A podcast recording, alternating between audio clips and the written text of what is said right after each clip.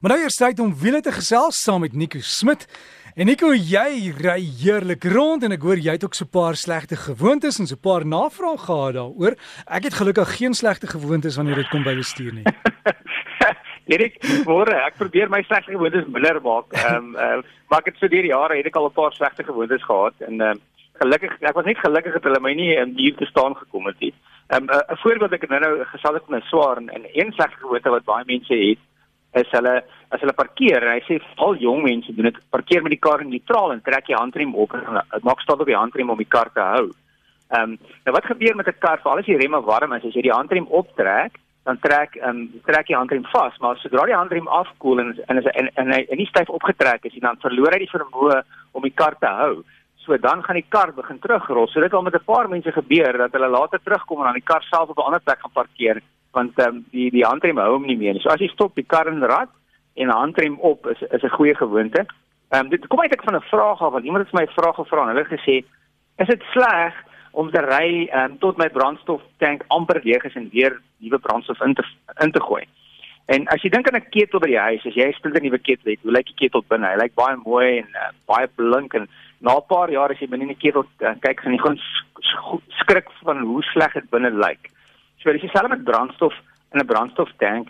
Ehm um, jy, jy mag nie regtig die brandstoftank noodwendig skoon nie. So daar is bietjie sediment in die tank. So uh, vir al ouer karre het redelik sediment en dan ook wat baie sleg is, is dat die brandstof baie van die brandstofpompe word afgekoel deur die brandstof self.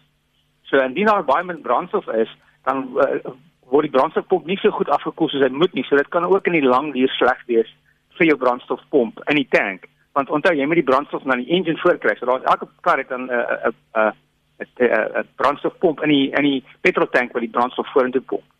Ehm um, dan natuurlik 'n ander een is as ons praat van brandstof en ek het al voorheen nie gepraat en miskien het nie iemand dit al nie gehoor nie maar baie slegte ding by volstasie as jy hierdie brandstoftank vol maak en dan wanneer hy klik die kar verder skit om nog brandstof in die tank te probeer kry want wat jy eintlik dan daarna doen is jy gooi maak eintlik die pyp vol want die brandstoftank sit baie laag in die kar maar daar's 'n pyp van die van die van buite af tot in die tank So wanneer jy nou dan die kar probeer volmaak verder, dan gooi jy eintlik brandstof in die pyp en nie in die tank nie. En as jy dadelik daarna as jy met nie vasry, is dit sleg want daai brandstof is nie so goed geseël soos die brandstoftank self nie.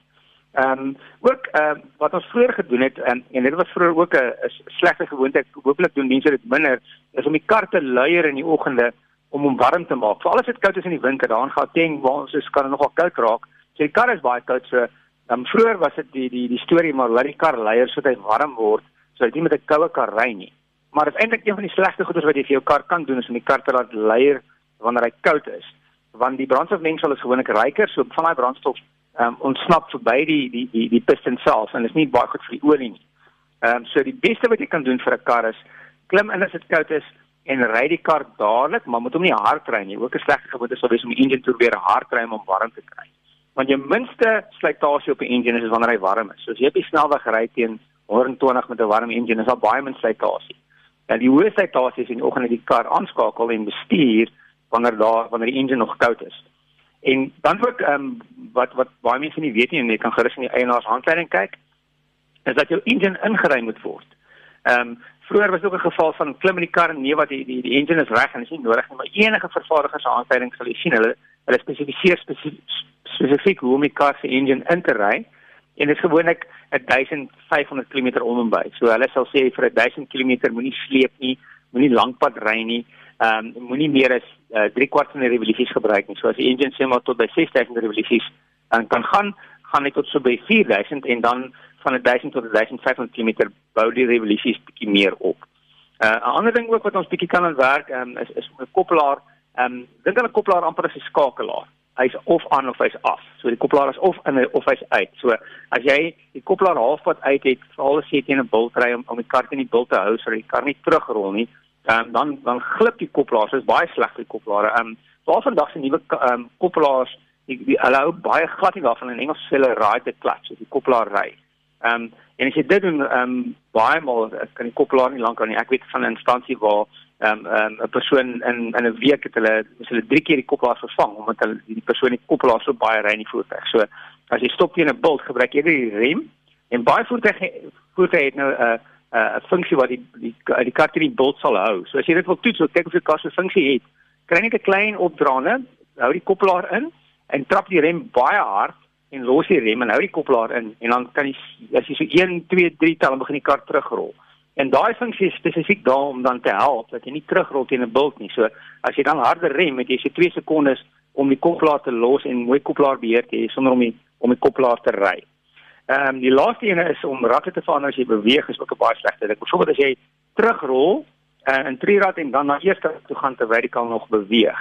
Is dit ook baie sleg vir jou kar. So ehm um, maak seker dat jy voertuig stop voor jy ehm um, van ehm um, eerste rad na ehm um, drie rad beweeg of andersom. Is dit so maklik? Dit is so maklik. Um, en moet jy jou waarskuwingsliggies ignoreer nie. Dis die laaste ene. Jy ja, baie maal van liggies, 'n geel liggie of 'n rooi liggie. Geel liggie, dis is 'n verkeerslig. Geel liggie sê so gou as moontlik kry op. Rooi liggie sê moenie verder ry nie. So as jy liggies kry, dis gewoonlik 'n slegte ding. Moet hulle nie ignoreer nie, want dit kan meer skade maak. En en sit daarom so die ligreëling nou en dan aan dat daai rubbertjies nie kraak van die droogte nie en dan die handrem. As jy hom optrek, hy moet mos so krrr maak, né? Nee, nee, ek dis net een van okay. dis iets wat ek nie baie hou nie. En dis dit is dis iets wat my ehm um, ek, um, ek sal voorstel om die knoppie in te hou as jy hand hem optrek. Dis nie nodig vir die kriebel ehm um, weet dis dis meer soos 'n uh, daar's mense wat sê dis sleg vir die handrem. Ek glo nie noodwendig dit is sleg is vir die handrem nie.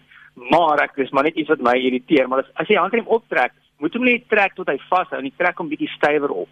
Ehm um, as as want as val as die remme warm is, wanneer die remme afkoel, dan gaan hulle daai gaping voertuig kan terugrol.